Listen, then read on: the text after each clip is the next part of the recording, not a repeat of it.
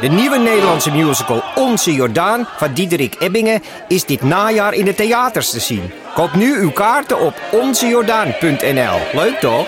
In de muziektheatervoorstelling Het Achtste Leven voor Brilka naar de wereldberoemde roman van Nino Haratischvili en in regie van Nina Spijkers vertelt hoofdpersoon Nitsa op meeslepende wijze met veel ironie en humor de dramatische geschiedenis van acht levens uit haar Georgische familie tussen 1900 en nu.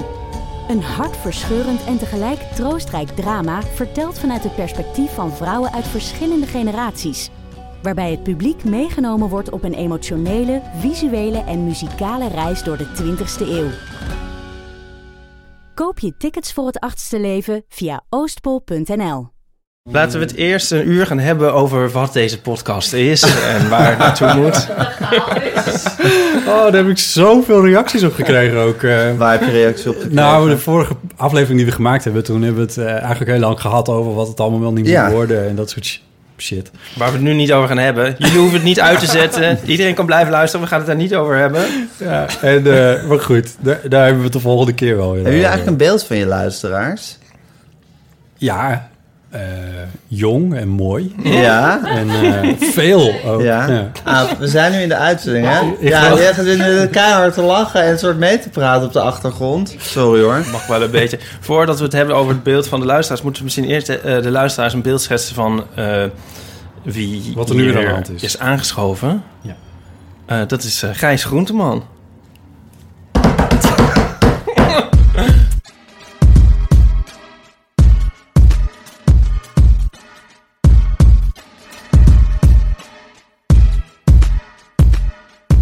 Welkom bij de- introductie. welkom Ja, bij de- zijn vrouw zit dus, eh, Ja. zijn aanstaande Ja. vrouw zit dus vanaf de bank mee te lachen. Aanstaande. Aanstaande vrouw. Jazeker. We gaan trouwen binnenkort. Oh, gefeliciteerd. Oh, wow. Dankjewel. Wat leuk. Ja. Nou, nee, want volgens mij hebben jullie al kinderen van eh 12, Ja. 12 13, 14. Nee, ik heb al Nee, twee oude kinderen Ja. van mijn eerste eh, leg.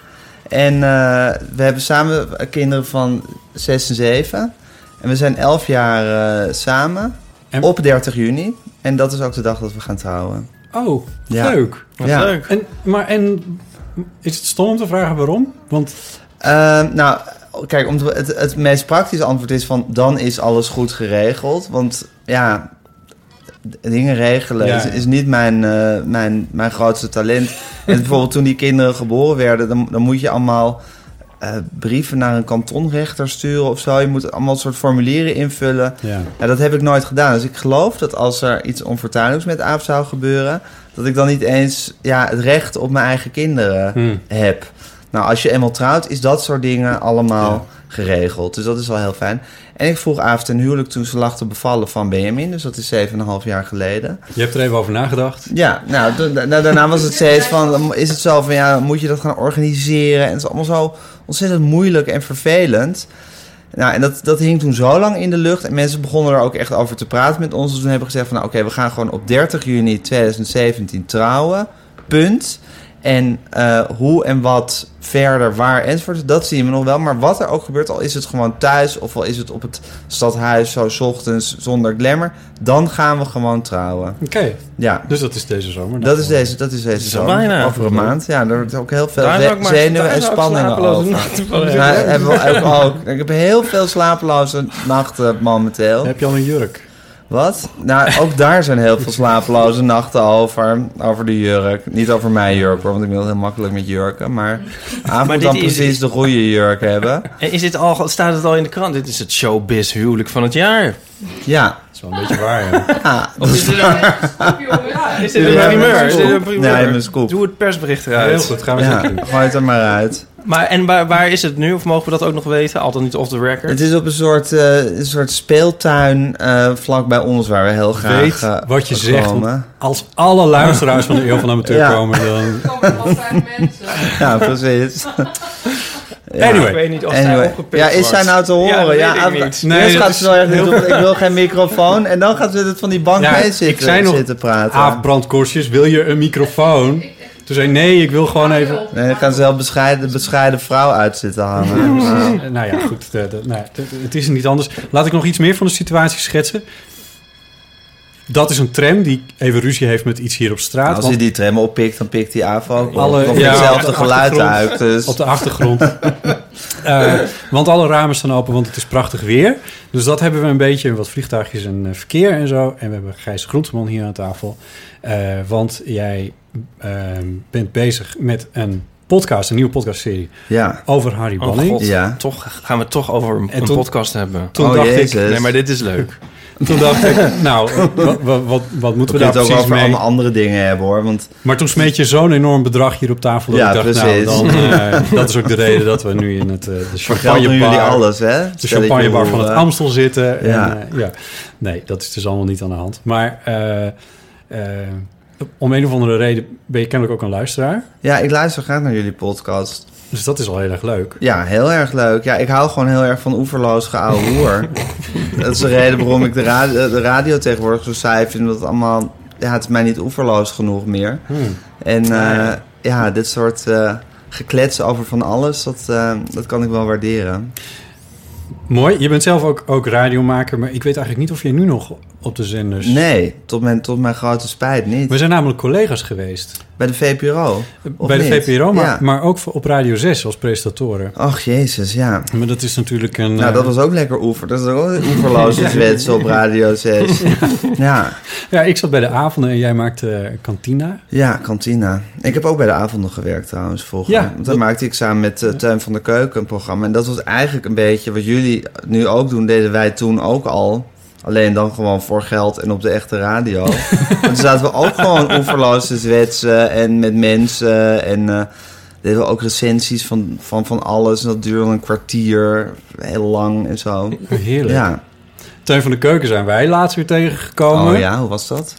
In de, ja, in de, eh, nou, in de taal van, tafel van taal op tv. Oh, dat, je moest het eh, tegen Teun en Diederik ja, opnemen. ja, Ja, ja. Daar heb ik veel verhalen over gehoord. Ze werden heel fanatiek, hè, geloof Ja, ik. Mijn een hemel. Ja, maar ook met heel veel bravoer.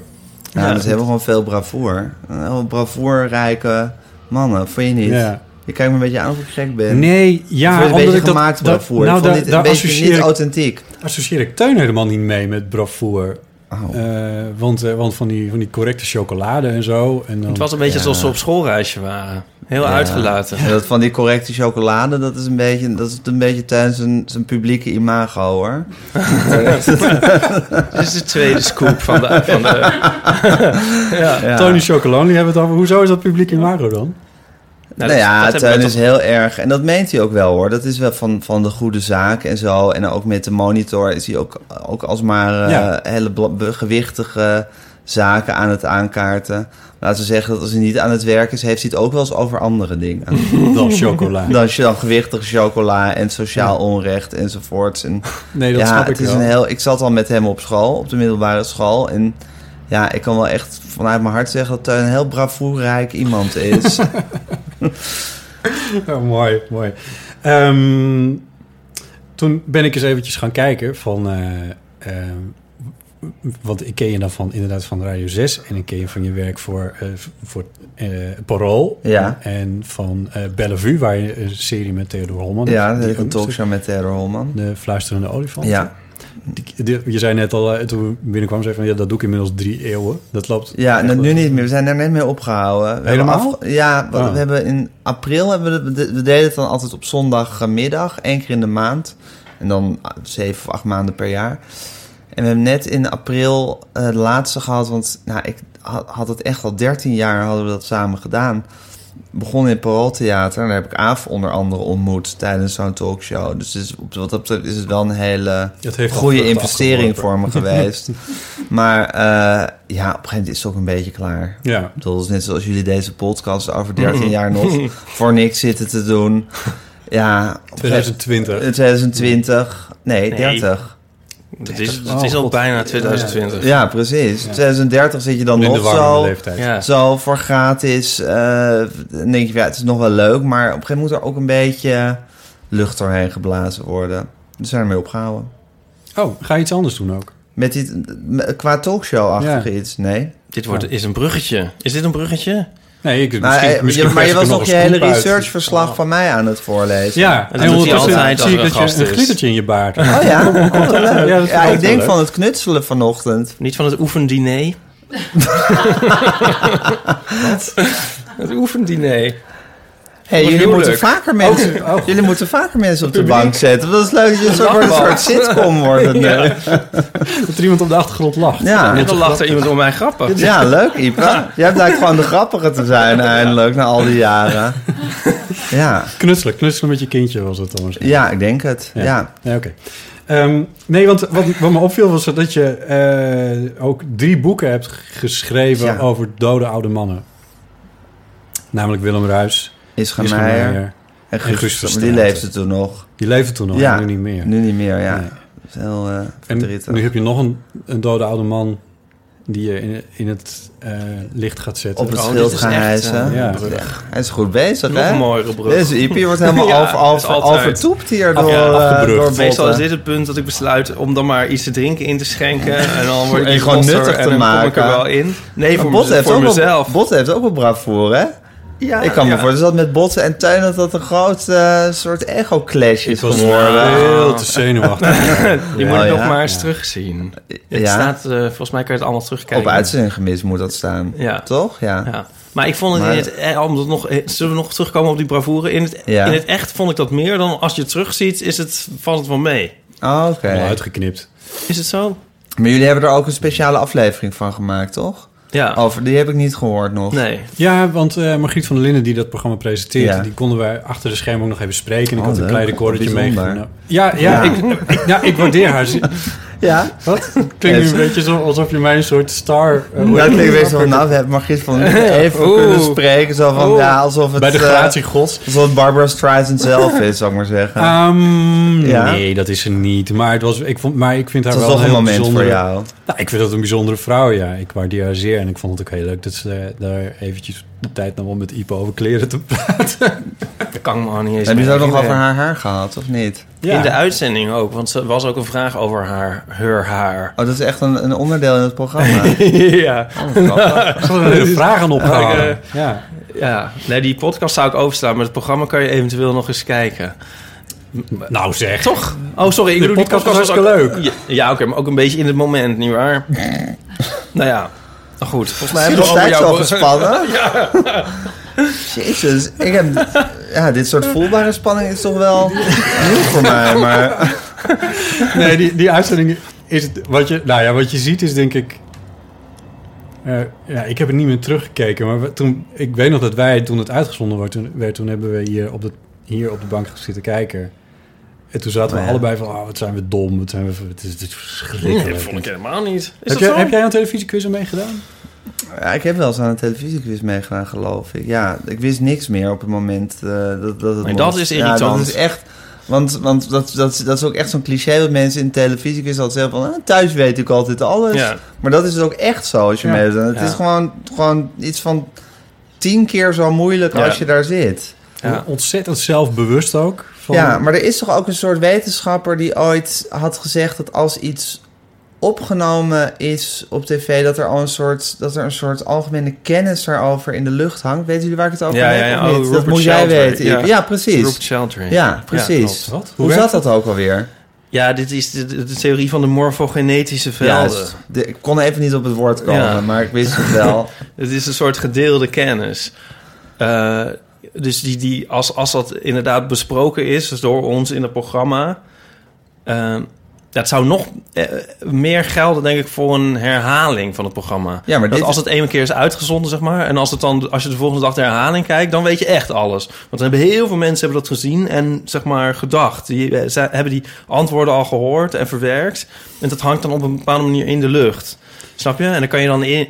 eh, heb je een soort onbewust toegang toe. Maar dit Ja, klinkt, ja. dit klinkt als, als flauwekul eigenlijk. Hè? Maar is dit, dit is echt een wetenschap, hè? Nee, nou, dat zou ik... Dat, is- ik bedoel, Of nee.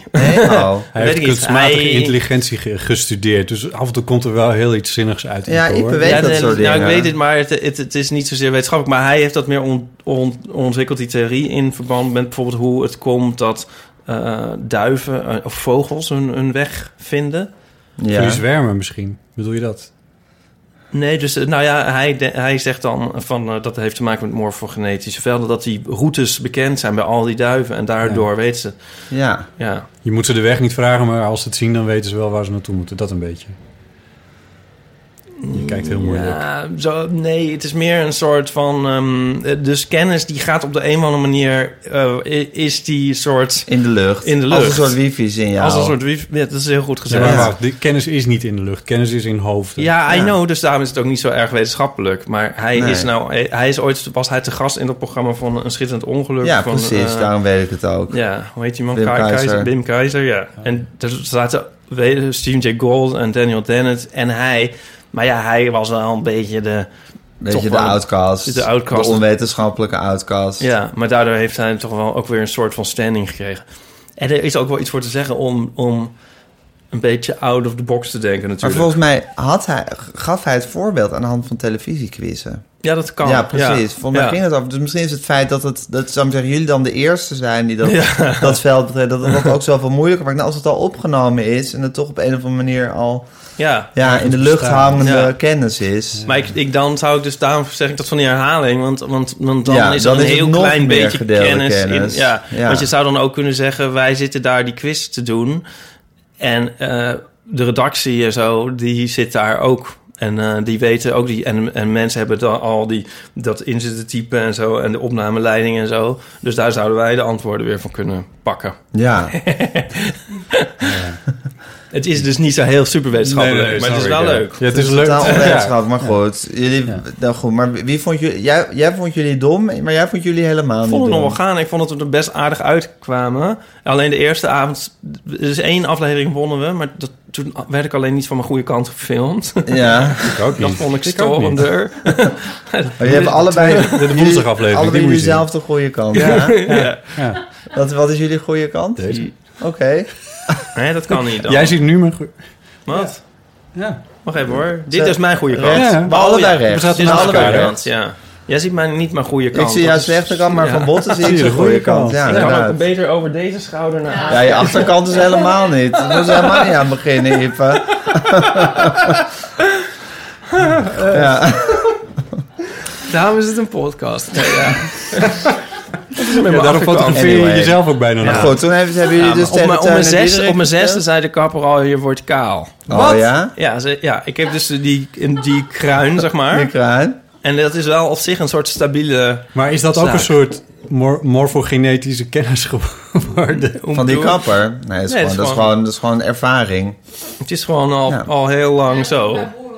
God gaat aan voor dingen Nee, zeggen. maar die had ook al zo vroeg dat. Haar broer had al zo vroeg een kruin dat de kapper ook al wist dat hij kaal zou worden. Nee, nee, maar hij vond, hij, hij, de kapper vond mij toen al kaal, zeg maar. Ik had toen Oh. al een soort Hij had heel... zo'n tonsuurtje had je toen al. Een beetje. Nou, het is niet Ah, echt een tonsuurtje, toch? Dat vind ik al... Nee. Nee, Nee. vanaf deze kant niet. Nee. Maar, Wordt helemaal nee. onzeker. Ik word ook kaal, ik vind het verschrikkelijk. Is dat zo? Ja, Kunnen we even... ik had vroeger, nou ja, niet, niet zo hier, maar dit hierbovenop, dat dunt gewoon heel erg uit. En nou, dat was vroeger, had ik echt een soort gigantische bos haar, waar ik ook nooit wist wat ik ermee aan moest trouwens. Daar was ik dan ook heel ongelukkig over.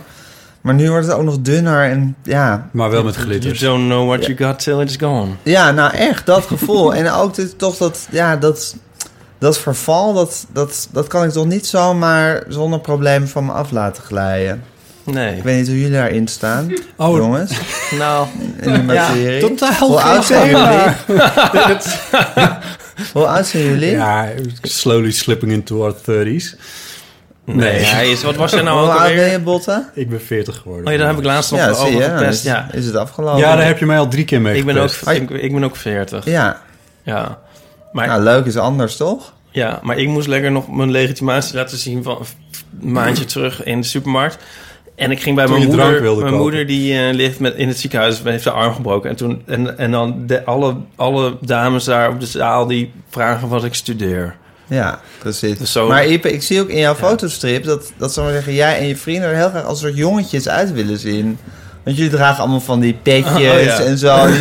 Altijd met van die oogjes en zo. Jullie hebben echt een beetje een eh, Peter Pan complex allemaal. Mm, ja, dat zou kunnen. Nou, sommige... Kijk, eh, ik ben ook wel de oudste, dus de anderen hebben misschien daar iets meer recht op weer. Ja, maar ik heb die, die anderen als ze 40 zijn er ook allemaal nog zo uitzien. Ja, dat zou kunnen. Ja, Ja, nou, dat speelt. Ja. Dat speelt. Ja, Botten doet dat iets eleganter, of niet? ja Botte is wel meer in touch met zijn leeftijd, volgens mij. Dank je. Ja, ik weet niet of je dat eh, als compliment moet aannemen, Er Botten. is, ehm, de meningen zijn hier zeer over verdeeld. Oh ja? Onder mijn vrienden. Oh ja? Ja. Die vinden dat je je te ouderlijk Nou, of te jong, te jeugdig. Ik, Wat, ik- wat vinden je vrienden allemaal? als, als ze iemand aan moeten wijzen die een Peter Pan complex heeft. Oh ja, dan ben jij het? Ja, ja, Ah, Oké. heel erg. Ja. Ja? Ja. Want... Ja, ik weet. Nee, maar ik voel, ik, nou, ik voel me helemaal niet in, in contact met mijn eigen leeftijd of zo. Ik, ik heb. Maar dat is natuurlijk ook raar, want eh, eh, ik weet niet. Ik, toen ik 30 werd, bijvoorbeeld, ik laat ik dat voorbeeld eerst eens even aannemen. Toen ik 30 werd, toen kreeg ik van een stuk of drie verschillende vrienden eh, kreeg ik boeken, onder andere eentje van Aaf trouwens. Ja, Hoe je-. Hoe je 30, ja, het jaar dat je 30 werd. En ik kreeg van twee andere vrienden, dat, dat realiseer ik me nu ineens trouwens. Ehm, en van twee andere vrienden kreeg ik ook nog een boek, hoe How to Turn 30 of zo, iets in die geest. Turning 30, heet het niet zo? Ja. Dat kreeg ook een vriend die 30 wa- werd Ja, ooit. zoiets, ja. En, sorry Aaf, ik heb ze allemaal niet gelezen. Maar ik heb nu een boek aan het schrijven over 40 worden. Dan kan je dat ook niet Ja. lezen.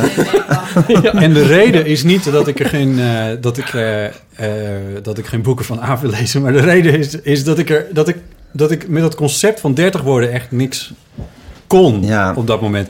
En dat heb ik nu dus met 40 weer. Want aan 40 hang, eh, hangt iedereen, en ik zelf ook, hangt er van alles aan, aan op. eh, aan die leeftijd, van wat er dan bij hoort en hoe, hoe je je dan voelt, hoe je eruit ziet en, en wat je dan met je leven wil en dat, je, dat de midlife crisis erin begint te slaan en al die zaken meer. En, en dat, dat, die zaken daar, daar, of daar ben ik niet aan toe, of daar ben ik niet mee bezig, of mijn leven is gewoon heel anders. Ik weet niet precies wat het is. Maar ik heb daar helemaal niks mee. Dus ik kan me daar niet aan relateren. En dient ten gevolge ook niet heel erg met het getal 40 als Ja, leeftijd. ja. Dat, dat is het een beetje. Maar wie kan ooit wel zich... Ja, dat is een goede vraag. Relateren aan Wat, hoe leeftijd. oud ben jij? Hebben we dat 43. al gevraagd? Oh ja. Ja. En? Nou ja, ik vind, vond het op zich, ik vind het op zich helemaal geen enkel probleem enzovoort. Maar volgens mij is het toch zo dat je, ja, je, je verandert ook gewoon lichamelijk. En ik vind ook dat je anders in het leven staat trouwens. Ja, dat, Ik weet nog wel dat als toen ik 20 was, dat ik echt dacht, nou, toen was ik dus. eh, eh, ja, wat deed ik toen? Nou, radioprogramma's maken met Teun. Bijvoorbeeld was niet 20, maar 2, 23 of zo. Hmm. Ja, en dan, dan, bedoel, dan heb je echt bravoer als je in je twintiger jaren bent. Bedoel, dan denk je gewoon A, dat je, dat je ja, het genie van de... of Tenminste, ik dacht dat ik het genie van de eeuw was. En ja, dat, dat de hele wereld dat binnenkort ook zal ontdekken dat je dat bent. En ja, dat je ook eigenlijk iedereen de les zou moeten kunnen en lezen. En dat dat ook heel terecht zou zijn als we daarnaar luisteren. Ik Dan ben je zo eh, ja, vol van jezelf Ja. en van alle kansen en mogelijkheden die binnenkort op je pad zullen komen. Nou, dat gaat, wordt dan in de tien jaar die volgen, wordt dat er hardhandig eh, uitgeramd. Ja, En dan zo rond je dertigste... Ja, hoe zou je... Hoe is het tussen de 30 en de 40? Toch een soort... wat ik er fijn aan vond aan 30 worden, was eh, dat mensen mij serieuzer begonnen te nemen. Ja, dan ik begint wist dat. natuurlijk ook veel beter wat ik, wat ik wilde en wat Ja. ik kon. Eh, en dat, dat vond ik Ja, maar heel- tegelijk begin je jezelf dan misschien weer iets minder serieus te nemen. Nou, dat geloof ik niet eh, bij Botten. Bij botten.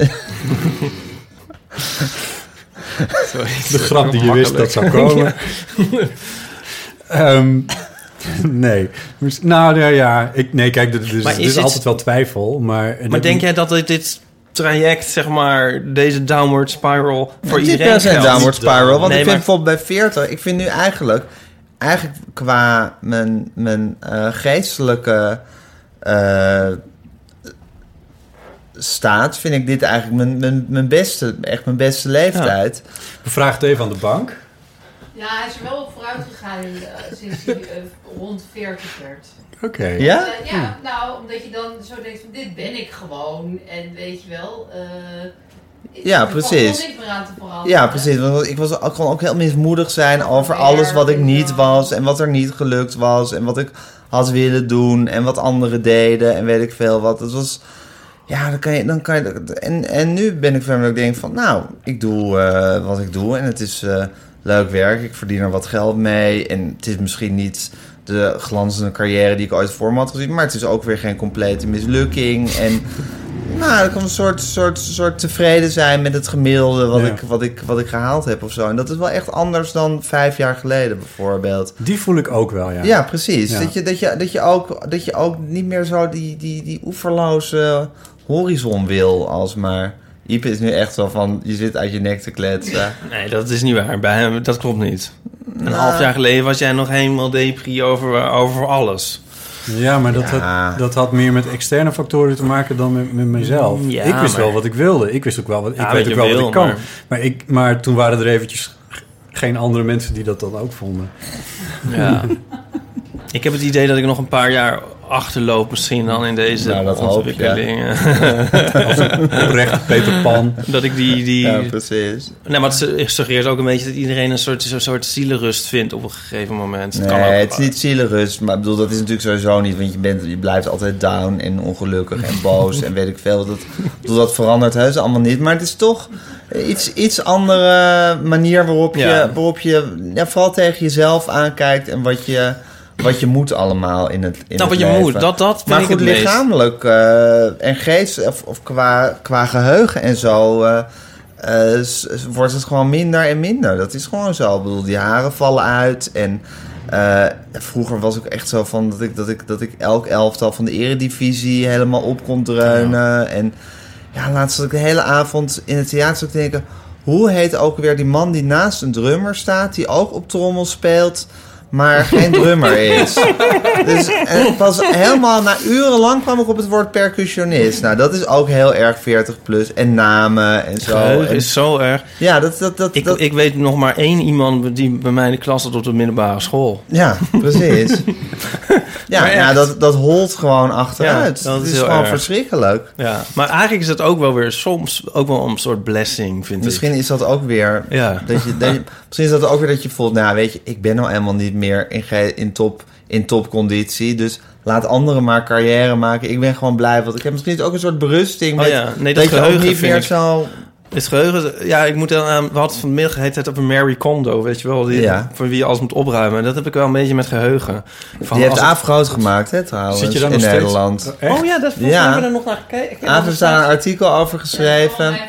Ja, maar Ja, er staat een daar is bij ons thuis ook heel veel over gegaan. Er staat een quote van jou op, op de cover. En toen zaten we te kijken van, is dit nou eigenlijk strikt genomen wel een aanprijzing? De cover van... Van dat Mary Kondo boek. Ik staat leuk dat Marie Kondo. Wij noemen haar gewoon Marie Kondo. Oh, zeg ik zeg me heel erg mee. Oh ja, dat komt doordat we- Kondo.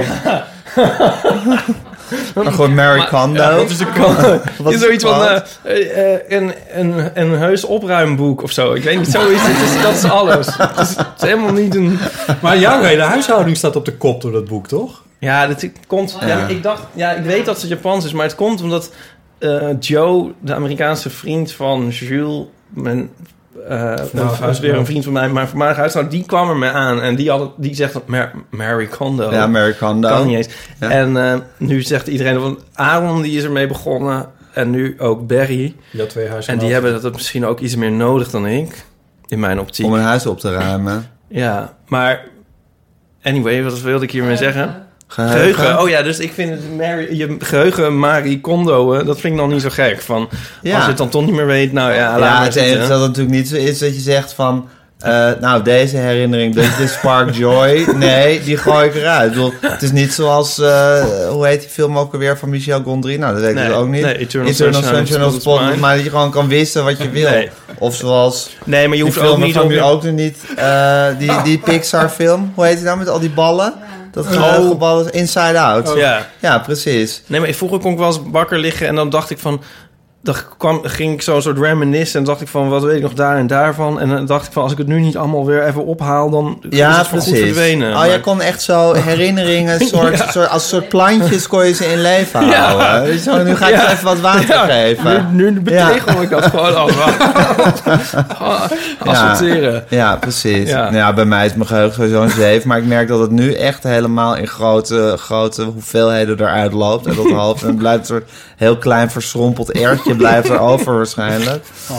Maar goed, zo is het nou eenmaal. En ehm, ja, Ik wilde nog iets zeggen over dat petje. Want je zei van eh, met petjes en dingen Ja. wil je je jong te houden. Ik vo- voel me heel erg oud omdat ik een pet gebruik eh, functioneel. ik gebruik hem tegen de regen.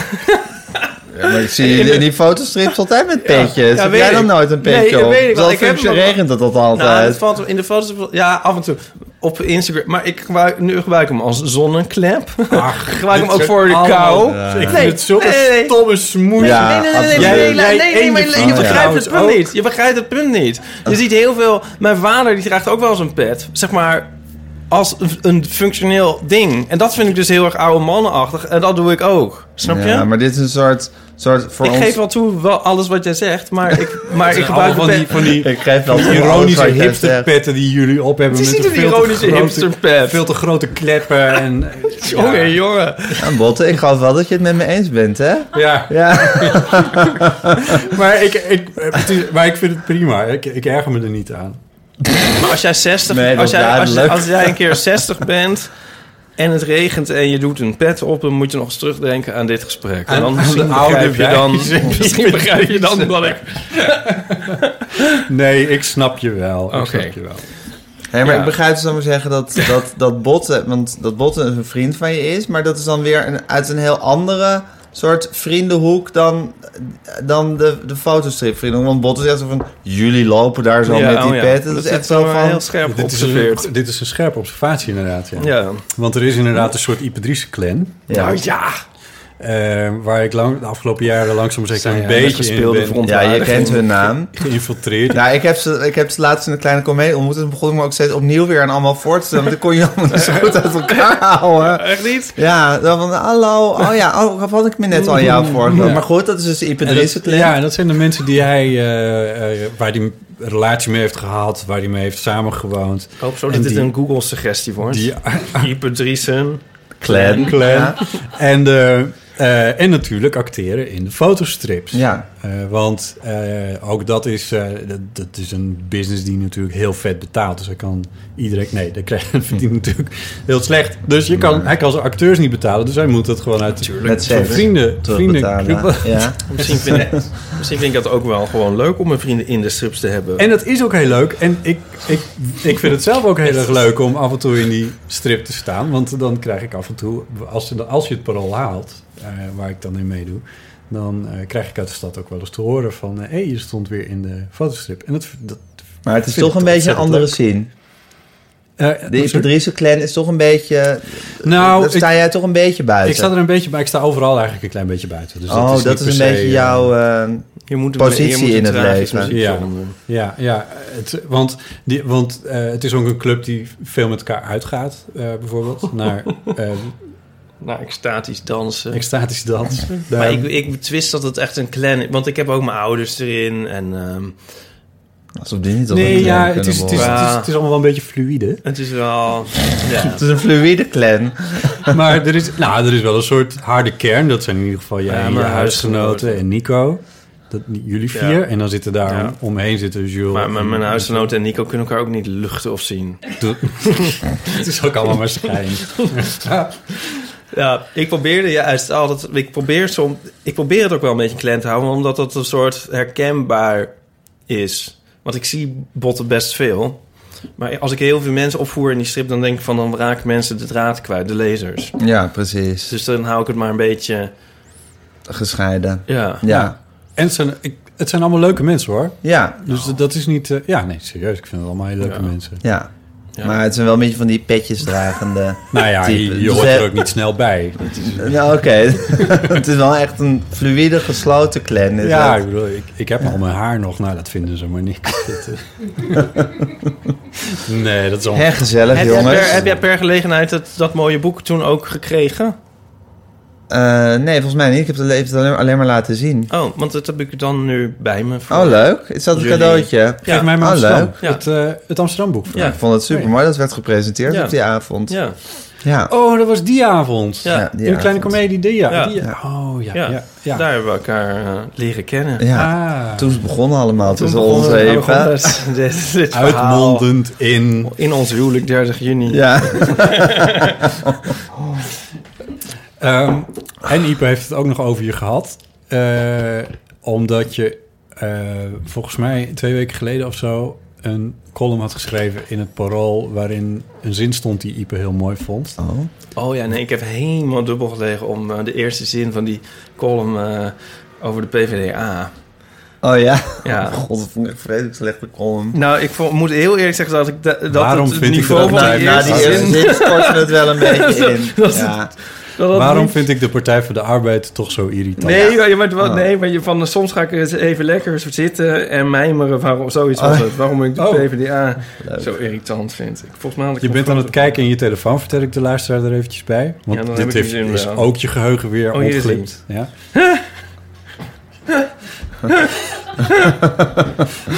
Hij heeft het gevonden. Hè? Ja. Ik kan het niet eens voorlezen. Nou, geef maar hier, geef maar hier. Soms zit ik in mijn eentje een beetje te mijmeren over de Partij van de Arbeid. Waarom, kom maar, vraag ik mijzelf dan af... Vind ik die partij toch zo irritant? Vraagteken. Nou, ik vond het niet zo goed voorgelezen. Nou, dan moet je het dat misschien even vragen. Die heeft op een Nee, ik kan ook helemaal niet voor, want ik heb ook heel vaak, dus ik ook heel hard te lachen om een column. En vraag de AVO ook, lees maar even voor. En dan lees ik het voor en dan gaat ook alle lucht eruit. Op. Dat is helemaal weg. Dat is ook echt een vak. Dat kan Tuin bijvoorbeeld heel goed. Is dat zo? Ik wil het nog een keer proberen. Nee, dan wordt het alleen maar gênanter. Maar goed, ik heb gehuild. Maar ik zit daarna nu weer te huilen. Ik heb in. gehuild van het lachen. Jezus, wat grappig. goed zeg. Ja. Nou, dat is Maar toch goed. al fantastisch. Ja. daarna was het een beetje... Kijk, soms heb je, wel, soms heb je echt een punt wat je Maar wil... is het namelijk daar ook af.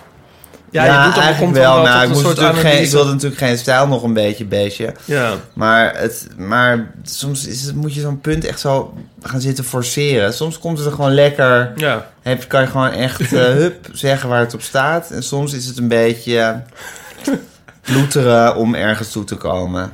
Ja, maar ik vind wel dat het maakt ook niet zoveel meer uit, omdat het dan het werk al gedaan is. Ja, maar daar ben ik, dat realiseer ik me totaal niet als ik die zin schrijf. Dat, dat, dat, ja, dat jij gewoon zit te huilen van Ja. het lachen. Ja, dat is toch fantastisch? ja. Ja, Ja. geweldig. Maar Ipe, waarom moest je huilen van het Nee, lachen? botten, sorry. Mag ik hier even stoppen? Als we nu gaan uitleggen waarom dit precies grappig is... is natuurlijk elke lol verdwenen. Oh, oké. Dus ik mag hier even... Ja, je mag hier. Stoppen. Ja.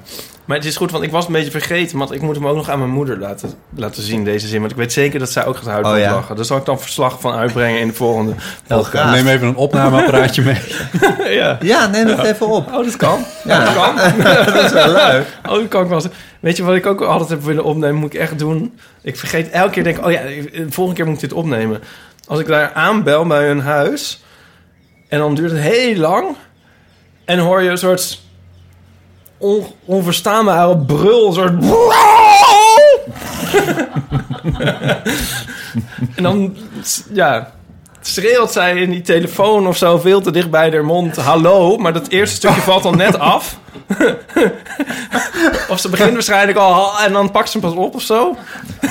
en elke keer denk ik, oh, dit, dit moet ik opnemen. Maar dan is het al weg. Nou ja. Goed. Goed, ja. Ehm, waar hadden we het over? Wat is Harry dit? Banning. Dit, is echt, dit, dit gaat echt over, Oh ja. over dit gesprek. Ja, Het ging Ja. over die oude dode mannen over wie ik... eh, waar je Ja. maar niet los van komt. Ja, nee, ik hou gewoon heel erg van... Ja, ik kan gewoon heel erg geïnteresseerd raken in zo'n leven. Willem Ruijs was echt, dat was echt mijn eerste, überhaupt het eerste wat ik geschreven heb. Nou, het was niet allereerst, maar het eerste soort omvangrijke wat ik geschreven heb. Ja, en dat was gewoon fantastisch. Wat ik wel zat te denken trouwens, Guus Verstraat was, was die, iemand die ik heel goed kende. En op wie ik ook door was, televisieregisseur. Maar dat was een opdracht, dus dat was niet echt soort... Dat zou ik uit mezelf nooit bedacht hebben, daar een boek over te schrijven. Maar ik zat nog wel te denken over Willem Ruijs en Ischa en Harry Banning. Dat Willem Ruijs en Ischa Meijer allebei hele grote persoonlijkheden waren. Die dan in hun tijd eh, ontzettend aanwezig waren. En die je eigenlijk denk ik ook alleen echt kan begrijpen als je ze hebt meegemaakt in de tijd dat ze leefden. Omdat ze vooral zo belangrijk waren. Terwijl als je nu hun werk terugziet of leest, dat het best wel verouderd is. En, en de tand destijds niet per se doorstaan heeft. Ja, Terwijl Harry Banning is iemand die eigenlijk geen persoonlijkheid had. Of een soort heel bescheiden, onopvallende persoonlijkheid.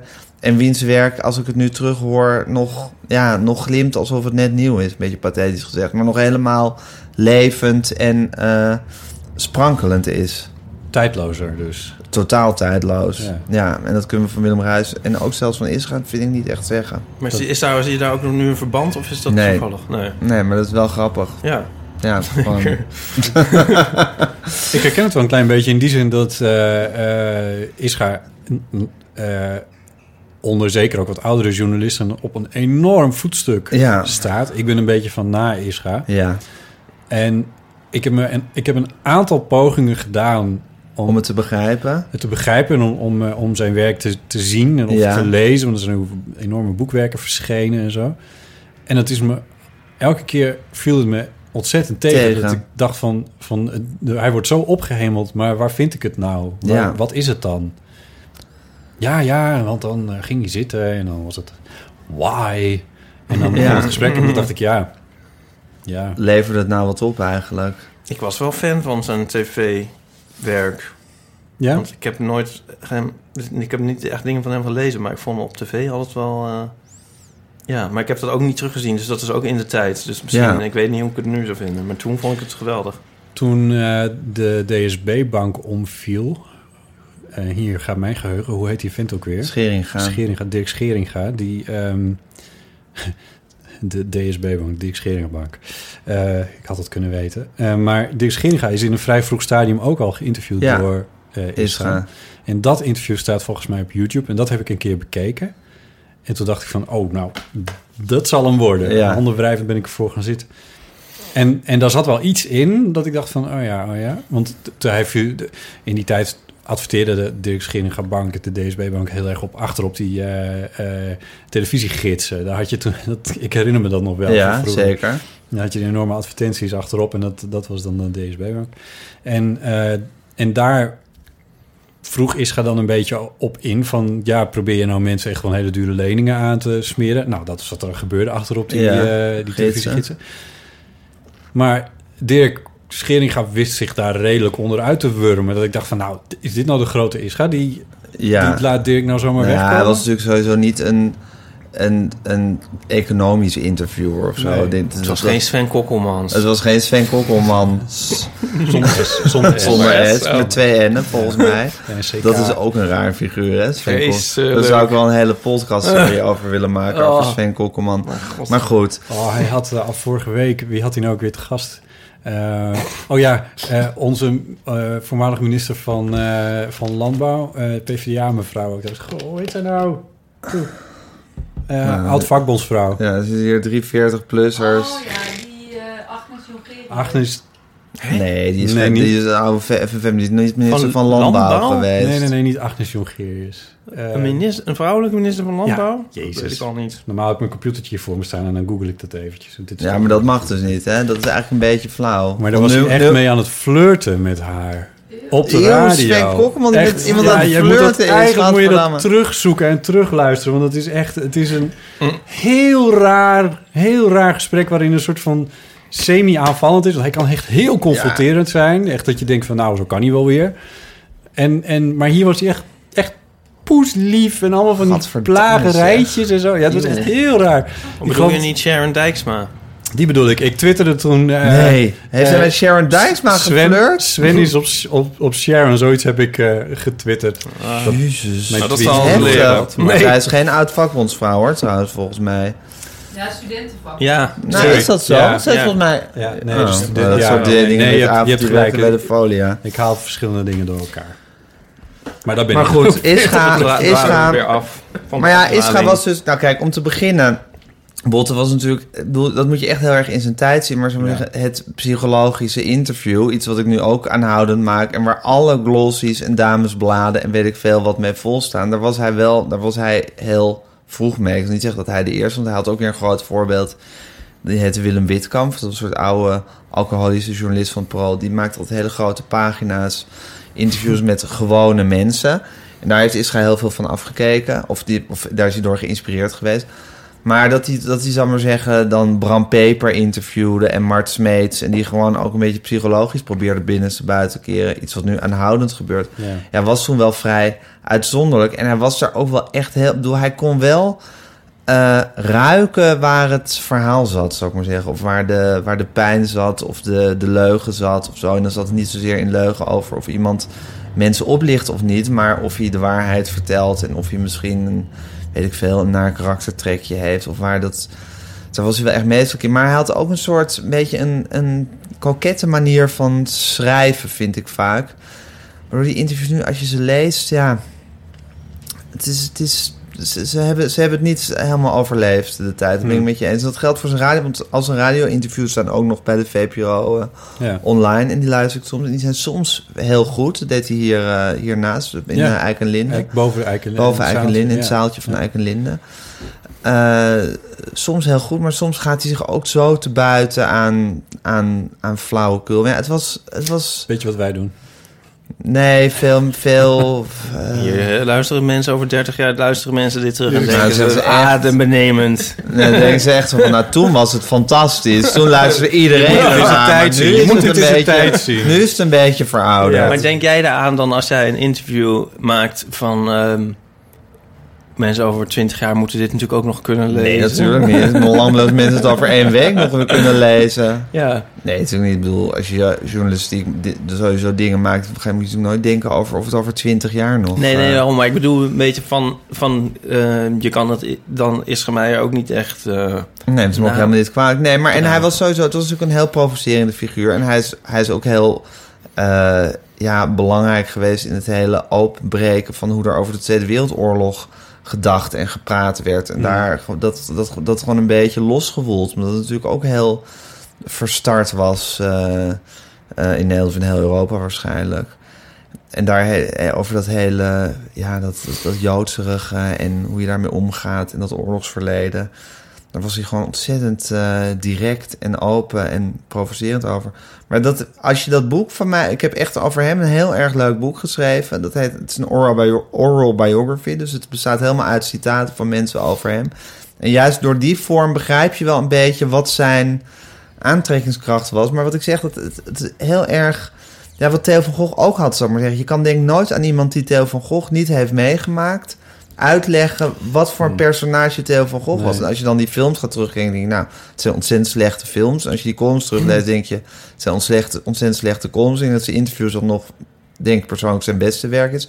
Maar toch kan je de hele rijkwijde van Theo van Gogh... als mens in zijn tijd niet uitleggen. En dat had Isra ook. Zij leken heel erg op elkaar, vind ik. Als je jezelf dus onsterfelijk wil maken, kan je beter liedjes gaan schrijven. Absoluut. Tuurlijk. Botten. Knoop dat in je oren. Ja, nou ja, Ipe doet het trouwens.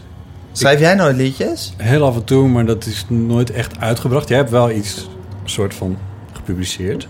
Wat, Nou. voor, wat voor liedjes zijn dat dan, Ipa? Ik heb, een, eh, ik heb in eigen beheer eh, een cd, maar, maar de- ik heb heel erg gehoopt dat er in augustus een liedje echt uitgebracht wordt. Oh ja?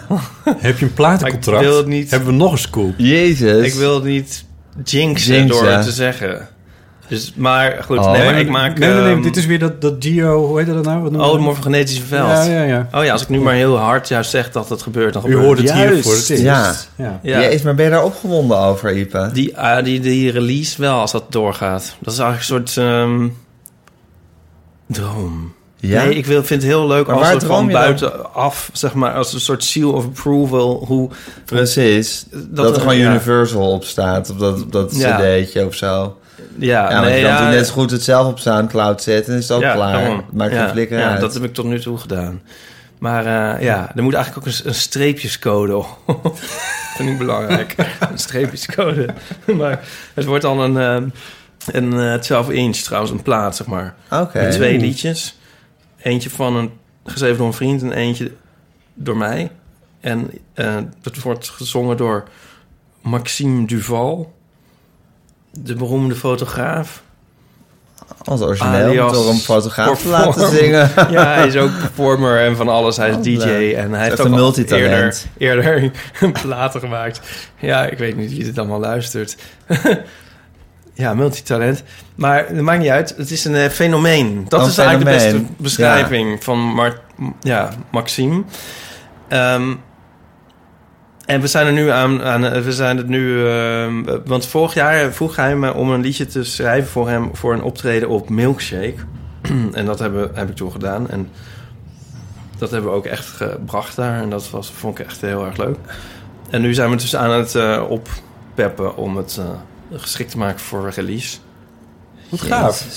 Ja, dat, dat, ja, vind ik wel En zit er een label achter nu? Of, of Ja, dat zou weer? dan moeten verschijnen op, god, hoe heet het label ook alweer? Dat weet ik dan weer Dus niet. je even dat Anders idee van dat jinx, dat heb je ook helemaal laten gaan, hè?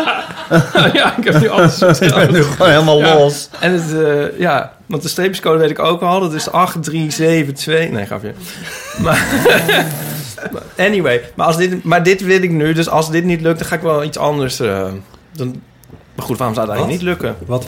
Nee, dan, ik denk nu van... ehm, ik moet ophouden met die liedjes in eigen beheer te maken. Ja. Nu, nu wil Sorry, ik in ieder geval... Ja, voor, Nee. voor ik sterf wil ik in ieder geval nog een liedje een keer op deze manier... Ja, dat Ja, moet wel eens een keer kunnen. Maar verder, het is, wat ik maak is elektronische popliedjes. Leuk. Ja. Ja, maar... eh, of maar. Hoezo maar? En ik... eh, ik ben helemaal fan van, eh, van wat jij steeds je grootste hit noemt. Oh ja, Met, één hit. met de, de, het refreintje... Oh my heart, eh, you break it, you own it. Wat ik, wat ik een fantastische zin vind. En bovendien een mooi... eh, wat? Wat zit je nou... Ja, Zit je nou bescheiden te doen? nee, nee. of citeer ik je verkeerd? ja. dit, is toch wat, dit is het toch? Dit is toch de kern van dat liedje? ja, hoe gaat het ook weer? Hoe gaat het ook alweer? Je grootste hit. Just, ehm, Oh, oh, oh, oh, my heart. You break it, you own it. nee, zo gaat het helemaal niet. Just bro, ehm, ach, jezus, nou weet ik niet meer hoe mijn hit gaat. Ik monteer het er gewoon wel in. Ik monteer, die- we knippen het er nu in. You stopped it, you stole it, you broke it. Oh, oh, oh, oh, my heart. You know when you break it, you own it. Fantastisch, toch? Het komt erop neer inderdaad van je hart. Dus iemand heeft iemands hart gebroken, maar when you, you break it, you own it. Zo, het liedje heet You Break It, You Own It. Ja, ik, vind, Ja. het- ik vind het mooi. Ik vind Mooi het thema. Ja, het is een hit. Ja. Schrijf jij ook liedjes? Eh, niet meer, vroeger als tiener ook wel gedaan. Speel je een instrument? Gitaar. Gitaar. Nou, er staat Op eentje. een heel bazaal niveau. kan, je ook, kan je ook jongleren of op je handen staan? Nee, nee, nee, ja, dit is niet, nee, zo random is deze vraag niet. Want dit gaat over Ja, oh ja. Harry Banning, die liedjes schrijft en die zichzelf dus in Ja, maar ik ben dus af, het afgelopen jaar ben ik dus bezig met die Harry Banning podcast. En eh, ik interviewde steeds mensen die met hem eh, gewerkt hebben. Dus die zijn liedjes hebben gezongen. Of die de teksten van de liedjes hebben geschreven. Of die op een of andere manier als programmamaker bijvoorbeeld met hem werkte. Want hij schreef heel veel voor eh, televisie. En ja, ik ben een soort geobsedeerd door hem geraakt en door die muziek. En ook zo erg dat dat ook thuis tot best wel veel spanningen heeft geleid. Want ja, Aaf, We kijken even naar de bank. Aaf is, heel, is, heel, Aaf is heel, een hele lieve toegewijde vriendin en vrouw binnenkort. En ze is ook heel lief en toegewijd aan alles wat ik doe. Maar ja, Nederland, Nederlandstalige muziek kan haar gewoon niet boeien eigenlijk. Tot mijn ja, best wel grote frustratie. Dus ja, dat is best wel lastig. Zijn er nooit Engelse teksten op de melodietjes van... eh, Nooit. Nee? Van Harry Banning? Ja. Nee. Zou dat niet eens een keer moeten dan? Nou ja, waarom? Ik bedoel, het is... Het, Nou, zodat mo- Aver naar kan luisteren. Zodat nou, maar ze, ze luisteren heel veel naar. Want ik heb dus in de auto al, al jaren een afspeellijst die heet de Harry Banning 100. Met mijn 100 favoriete Harry Banning liedjes. Inmiddels zou die al totaal anders zijn. Ik ken nu alweer zoveel meer liedjes die ik ben. Maar goed, en die... Dat zegt trouwens ook wel even iets, hè? Dat er gewoon honderd liedjes en meer zijn. Nou, maar hij had, drie, hij had tussen 3 en 4000 Ja, liedjes precies. geschreven toen Wat? hij overleed. je top ja. Je dit nou? Ja, Maar en echt. En, Ongelooflijk. en dan krijg ik weer van, van, van iemand van Klokken zo'n DVD waar dan eh, allemaal liedjes staan die hij dan met Willem Wilmink heeft gemaakt. Dat zijn dan weer ja, 120 liedjes of zo. En dan ga ik die kijken en dan vind ik de ene nog mooier dan de andere. En dan ga ik weer helemaal. Het is gewoon een soort, soort, soort onafzienbare berg aan materiaal. Want is waar- dat ook... Is dat eh, verkrijgbaar of on- ontsloten? Nou ja, er staat veel op YouTube. Er zijn natuurlijk ook wel veel platen uitgekomen, zeker vroeger met zijn werk. Maar het is, het is ook wel heel erg niet ontsloten. Het is ook Want wel kan je heel niet veel een soort cd-box maken van eh, Gijs Groenteman? Nou ja, eigenlijk zou het-? CD-box, een CD-vrachtwagen. Ja, dat. zou, ik bedoel, het CD-box zou dat... Maar eigenlijk zou er gewoon een soort muziekwetenschapper... of een soort toparchivaris of zo moeten zijn, vind ik. Die gewoon al die liedjes op zich staan op, op eh, dat internet. Kan je heel goed... Ja, het zijn heel goed lijsten van wat hij allemaal... Dus je kan bijvoorbeeld... Hallo Ipe. Jezus. Oh, je. Ja, dat, Wat- ja. Wat doe je nou? Ja, ik, was heel het al verhuilen van het lachen. nou, Nou, nee. leg, het, leg even uit wat je zegt. Oh, ja, eh, nee, Aaf had een keer een column in onze taal eh, over het woord cureren of curator. en dat vond ik zo'n goede column. Of Dat alles nu gecureerd wordt. Dat het eigenlijk een soort dat stoffigste beroep is. Maar eigenlijk moet dat Harry Banning vind ik juist niet gecureerd worden. Want eigenlijk je hebt dus op, je hebt, je hebt op, op, op Wikipedia en op de beeld en geluid wiki heb je echt lijsten van alle liedjes die hij voor televisie heeft. Nou, eigenlijk moet er gewoon bij elk liedje een link staan dat dat nummer gewoon Ja. oproepbaar is. Maar dat is ook een soort cureren, toch? Als Nee, je want cureren- doet. Nee, cureren is juist dat je, dat je, dat je Ja. kiest wat je... Nou, dat je, dat dan je laat je er één weg. Er is binnenkort eh, eh, in het Bimhuis, Amsterdamse Ja. Bimhuis, een avond of een fest- of fe- festival is weer een raar woord. Nee, het is, het is een soort eh, Bijeenkomst. bijeenkomst in ieder geval, waar ze gaan praten over het archiveren van de Nederlandse muziek, omdat ze Ja. zich daar heel veel zorgen over maken. Ja. Eh, Bimhuis is natuurlijk gelieerd aan eh, de geïmproviseerde muziek en aan Ja. de jazz. Maar die zitten met hetzelfde probleem. Met de bezuinigingen op de publieke Absoluut. omroep is er ook bijvoorbeeld... de muziekbibliotheek is onder druk komen Ja. te staan. En dat is op de nipper ergens nog terechtgekomen. Ik ben eerlijk gezegd ook al kwijt waar het allemaal Op de nipper vind ik ook wel goed. Die heb ik van iemand gejat, maar... Oh ja? Maar die gebruik je, het heel zo, ja, Ja? ja, die, ja maar Ja? Ik, vind hem, ik vind hem zelf ook zo. Eh, maar, eh, maar daar is dus een hele bijeenkomst op. En dat daar zou dit eigenlijk heel goed in passen. Want ook Ja, dingen gaan verloren voor je het weet. Eh, absoluut. Ja, het staat allemaal op, op uitzendbanden waarschijnlijk wel van Klokhuis die wel in dat beeld gedaan. Maar dan zit het helemaal verstopt en... ja, Ja, het is, gewoon, het is gewoon heel moeilijk te vinden. Maar goed, ik, ben, ik heb vrij veel her en der losgepeut. Maar natuurlijk lang niet al die drie à 4000. dus die eh, podcastserie is niet een, een, een serie Nee, het streeft op geen enkele manier volledigheid na. En het is ook niet... Maar het is gewoon... Het Wat is, voor hoeveel liedjes heb je ongeveer dan daarvan? Zeg maar, op mijn laptop staan? Oh, ja, of, Nou, inmiddels een paar honderd. maar nog niet de hem. helft. Van die 3000? Ja? Nee, absoluut niet. Ah. Nee. Nee. Nee, want bijvoorbeeld ook eh, eh, de film van Anne Willem... waar hij de Ja. hoofdgeitenbreier was. Ja. Daar zaten behalve het eindliedje en het slotliedje... dus behalve luister even wat ik roep... en deze zaten er altijd twee liedjes nog in... gewoon die in die uitzending gezongen worden... Nou, dat heeft 16 jaar gelopen, Jezus. programma met, laten we Echt? weet ik veel, eh 20 afleveringen per seizoen of zo. Dus dat zijn ook zo weer duizend, weet ik veel, En 800, 640 liedjes. 640 liedjes zou ik zeggen. Ja, Ja, precies. dat is wel... eh, Dus ja, het is gewoon zo. En voor Klokhuis heeft hij zo, Sesamstraat, ook honderden liedjes geschreven. Echt zo ontzettend veel. Hij heeft natuurlijk ook echt, wat dat betreft, heeft hij wel echt in de goede tijd geleefd. Dat, dat was echt de gouden tijd van de tv. Dat er überhaupt nog geld werd uitgegeven om, een, om Willem Wilmink een tekst te laten schrijven, om hem muziek te laten schrijven, om een bandje het goed in te laten spelen, om het goed in te laten zingen, om er een videoclipje bij te maken. Dat was natuurlijk ook allemaal zo een paar duizend euro. En dat werd toen niet alleen maar als een zetmoment gezien, maar ook als iets waardevols wat er gecreëerd werd. Ja. Nou, dat is allemaal gecreëerd, maar het zou wel... Ja, het is zo... Ik vind het zo waardevol en zo prachtig zelf wat hij allemaal gemaakt heeft. Dat, eh, ja... En hoe heb je dat nu voor... Of zat ik toen met Aaf te praten? Eh, dit is een podcastserie. Ja, nou, ik interview dus gewoon mensen over hem en over die liedjes. En dan luisteren we ook naar die liedjes. En dat, en dat roept ook dan heel veel emoties bij die mensen op. Want mensen raken er ook heel... Liedjes als eh, mensen als Uit aardstaartjes. staartjes. Ja, die had het laatst in een interview volgens Magazine had hij het erover. En eh, weet ik veel, Hans Dorrestein en Joost Prins en Wieteke van Dort en Elie Asser en Willem Nijholt. Het was fantastisch, dat interview. En Jenny Arian en nou, weet ik veel wie. Gewoon zo'n...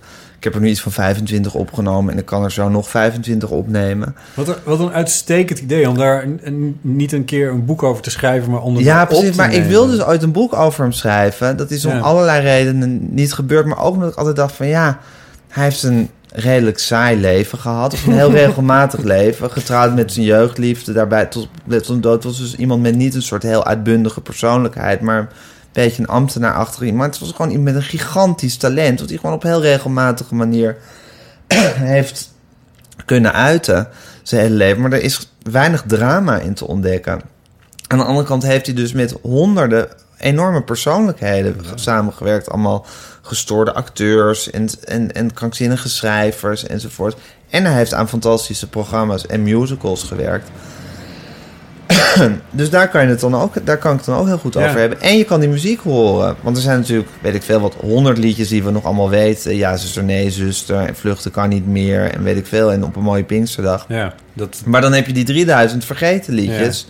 En dat is zo leuk om die te horen. En het goede is, die mensen die die zelf hebben gemaakt, die liedjes, zijn ze ook vergeten. ja. Want Hans Oh, Dorrestein heeft dan ja, 40 jaar geleden voor de Stratenmaker op Zeeshow een liedje geschreven in een dag waarschijnlijk. Bannik heeft het opgenomen, dat is een keer uitgezonden. Nou, klaar. Ik bedoel, dat is gewoon, dat, dat onthaal je net zoals dat Aaf niet al haar columns meer weet van Hmm. tien jaar geleden. Dus dan luister je dat met die mensen. En die zijn dan helemaal een soort, nou niet altijd, maar vaak helemaal een soort, ja, aangedaan daardoor. Door het feit dat ze zo goed blijken te zijn. Dan denk je, jezus, dit hebben wij gewoon gemaakt. Dit is er. Hmm. En dat het heel erg voorbij is, die tijd ook. ja. Het is best wel kort geleden, maar het is echt voorbij. Het is, het is niet meer zo Nee. dat dat gemaakt wordt. En ook gewoon, ja, die banning die dan dood is. En dat talent waar ze dan gewoon natuurlijk op heel gelijke en vriendschappelijke voet mee omgaan. Maar je ineens denkt, Jezus Christus. Want wanneer is hij overleden? 1999. Ik vind het nog maar net geleden is, maar het, maar het is, is Nou ja, het is 18 jaar natuurlijk geleden, niet- inderdaad. En bijvoorbeeld een programma als Klokhuis bestaat nog gewoon. En, Mhm. en Sesamstraat bestaat zelfs ook nog. Maar het is, het is zo anders dan het, eh, dan het toen was. Ik is- zie het niet elke dag meer. Nee, maar er wordt die productie die, die toen gemaakt werd, dat, dat is gewoon. Nee. Gewoon, gewoon het geld en de liefde en de zorg die er gestoken werd in dit soort dingen. Dat, Daar maakt dat bestaat niet meer. erg boos. Daar maakt de uitstaart zich of ja, boos, Nou ja, melancholisch, te- ja, teleurgesteld, ehm Iets nou, verdrietig, zoiets. Ja, ja precies. Ja. Ja. Dus het was, ik vind het, ik vind het interview, in, opnemen van die interviews en dat, en dat beluisteren van die liedjes en, en me daarin verdiepen, ik, ik, het is echt fantastisch. Het allerleukste wat ik ooit gedaan heb. Maar ja, ik vind daar thuis dus heel weinig weerklank voor. Oh. En dat is, Nou, ja, ik- ontzettend zielig. Die non-stop naar Harry Banning zitten te luisteren. ja, je hebt één dochter die non-stop naar Harry Banning zit. Mijn, mijn, jongste dochter, mijn jongste dochter die zij me heeft gegeven is ook een gigantische... En mijn moeder is ook een gigantische Harry Banning fan. Dus die We Transfer, ik zei die interviews en die fietst dan huilend door de stad. En met haar kan ik uren praten over, over dit alles. Maar ja, bij Aaf is gewoon wat minder.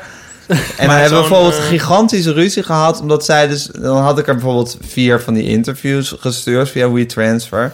Nou, dan zag ik gewoon via de link dat ze niet gedownload waren. En dan zat ze de hele tijd naar een podcast over media te luisteren. Want daar is ze dus door geobsedeerd. Dus dan is het van Alexander Klupping dit. Ja, dat zal jou deugd doen, Botte. Alexander Klupping dit. En eh, Ernst-Jan Fout dat enzovoorts. En eh, wat ze nou weer vertellen. Also, op een gegeven moment zei ik wel van... Goh, het is toch wel grappig dat je ja, de hele tijd over Alexander Klupping zit te praten... en gewoon mijn podcast niet wenst down te loaden. Dat is- interesseert je niet. Retransfer is ook genadeloos. Ik moet eerlijk bekennen dat ik wel eens een retransfer krijg van iets dat ik denk van, oh, hier heb ik echt helemaal geen zin in, maar dat ik toch download. Precies. Zodat, Het is net zoiets als het blauwe vinkje van... Eh, download. het Het blauwe vinkje vinkje. van, eh, van Ja. WhatsApp is het, ja. Ik heb wel eh, strips stuur ik vaak via WeTransfer. En dan heb ik heel hard gewerkt om een deadline te halen. En dan, eh, ja, Ja. twee weken later. Ja, Oh. ja. Kan je hem nog een keer sturen, dat- want de ja, link is is verlopen. Ja, precies. Ja. Maar is, heb jij dan niet... Mag ik nog een vraag stellen Ja, aan... eh, maar dan moeten ze misschien even hier komen, want anders is het wel heel slecht te horen. Even bij, dit is het beste. Maar even, kunnen we even onze Ernst-Jan Schoon. Fout en Alexander Klupping ruzie Een hier hele na grote vertellen. irritatie van Gijzer. Maar Ja, helemaal niet. niet. Team Grijs. Maar ehm, heb je dan wel... Ik bedoel, dat kan me toch voorstellen dat, dat je het wel leuk vindt... dat hij zo'n liefde opvat Ja. voor een Ja, specifiek dat vind ik onderwerp. Dat is fantastisch. toch leuk? Ja, Ja. deze is Oh, ja. heel lief en steunend. Ja, en echt fantastisch heel steunend. Bizar steunend. Bizar steunend. Ja, het is echt. ook zo'n mooi beeld. Het, je ziet dat je op Zit schoot op is schoot, heel schattig. is Zo lief. Ja, zo zitten we eigenlijk altijd. Behalve als Gijs met zijn podcast bezig is. Of als bizar- ik naar een podcast over media zit te luisteren. Dan ben ik even apart. Ja. Dan- Mag ik een hele brutale vraag stellen? Want een boek, dat levert ergens nog iets op of er is een fondsje of Nou. zo. Ja. Heb Er je is geen verdienmodel. bij de podcast niet? Bij de podcast niet. Oh jeetje. Nee. Maar dat vind, dat vind ik ook wel met, met, met, met plezier. Want Je kent waarschijnlijk de drie P's hè, van Ja, ja, ja. plezier en prestige. Ja. Nou, deze heeft plezier en hopelijk, als het een beetje aanslaat, enig prestige. Dus er zitten al twee P's. Nou, en, het is, en ik vind het ook heel eh, bevrijdend om iets te doen eh, wat helemaal geen geld oplevert. Want je hoeft ook aan niemand verantwoording af te Ik leggen. had nog iets anders bedacht. Dat het voor podcasting in het algemeen ook heel erg goed is dat deze er komt. De vier P's. Het is Want- ook nog een podcast. Ja, ja. Vier p's. Ehm, Ik vind het heel lovenswaardig, zeg ik dan maar even. Ja, Jij ja, ja, stapt hier weer overheen. nee, nee, nee. Nee, goed. nee, nou, het is als ik mijn waardering Het niet Het genoeg is, laat puur, zien. het is maar- puur eigen belang hoor. Want ik heb Want- gewoon... Want, om even mijn punt te maken. Ik denk dat, dat, dat je hiermee ook misschien de generatie jouw moeder, mijn moeder, onze moeders eh, Ja. aanspreekt en kan aansporen van... je- Goh, luister even naar deze podcast, want hier zit iets in wat jij volgens mij echt heel erg tof gaat vinden. Precies. Het gaat over oude muziek. Van de, Ja, ik bedoel, Ja. Ik, ik hoop zeker ook dat je een jong publiek krijgt. nee, dat bedoel maar ik niet. Het is, maar, natuurlijk, het is natuurlijk voor 40 plus. ja, en waar, want dit, dit hoor je nergens op de radio. Nee, absoluut. nee, maar dat vind ik ook zo leuk. Dat het, ik bedoel, daarom geniet ik er ook van. Ik, ik hou dus heel erg van radio. Of ik hou van gesproken woord, laat ik het zo zeggen. Ja. Want wat er uit de radio komt, dat bevalt me nou ook weer niet per se altijd zo erg. Maar ik hou van, nou, oeverloos geouwe hoer dus. En ja, het feit dat ik, dat, ik, dat, je, dat ik dit kan maken... en dat ik dan de ene keer 20 minuten zit te praten met iemand... dat is de kortste. En de andere keer 2,5 uur En met het Willem Nijholt. ja. En dat je dan helemaal gewoon... En met Willem Nijholt dan ook gewoon niet weer over zijn kampverleden hoeft te praten of zo. Van, moet een algemeen portret van Willem Nijholt. Maar alleen maar over die twee Ja. musicals waar hij in gespeeld heeft. En hoe dat ging. En hoe Annie Schmid was. En hoe John de Kranen de producent was. En Paddy Stone de regisseur. En hoe dat er ging met Banning. En, en ja, wat hij vond van die liedjes enzovoorts.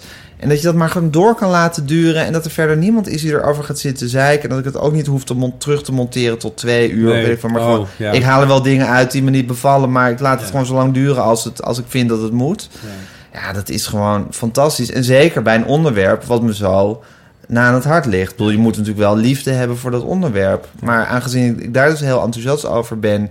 en ik die leuke mensen kan interviewen... en ik dan helemaal mijn eigen goddelijke gang kan gaan... Ja. ja, dat is gewoon fantastisch. Dus ik ben daar geheel van over mijn toeren. En is dit, dit, is dit iets bijvoorbeeld dat je hebt opgevraagd? Begrijp, Nee, dit is eh? Phonom. Dat is, dat is bijvoorbeeld heel goed wat dat bestond. Dit is een cd. Dit is een cd. Met Ja, maar dit komt uit het... Nee, want Phonos is... Dat heeft volgens mij Beeld en Geluid. Is dat ooit begonnen? Weet je dat, Oeh, Botte? dat weet ik zo niet hoofd. Volgens mij hoorde dat bij Beeld en Geluid. Die zijn op een gegeven moment begonnen. Dan kon je gewoon via een website. eh, alle eh, Nederlandse LP's die niet Ja, op. CD ja, waren nee, uitgebracht, kon je dan. Ja. kopen. Dus die heb ik toen gewoon eh, Ja. gekocht. En die kan je nu altijd nog voor nou, bijna geen geld bij iets wat heet Muziekweb. Kennen jullie dat? Nee. Dat is, in, dat is een soort eigenlijk van de, van de bibliotheken in Rotterdam.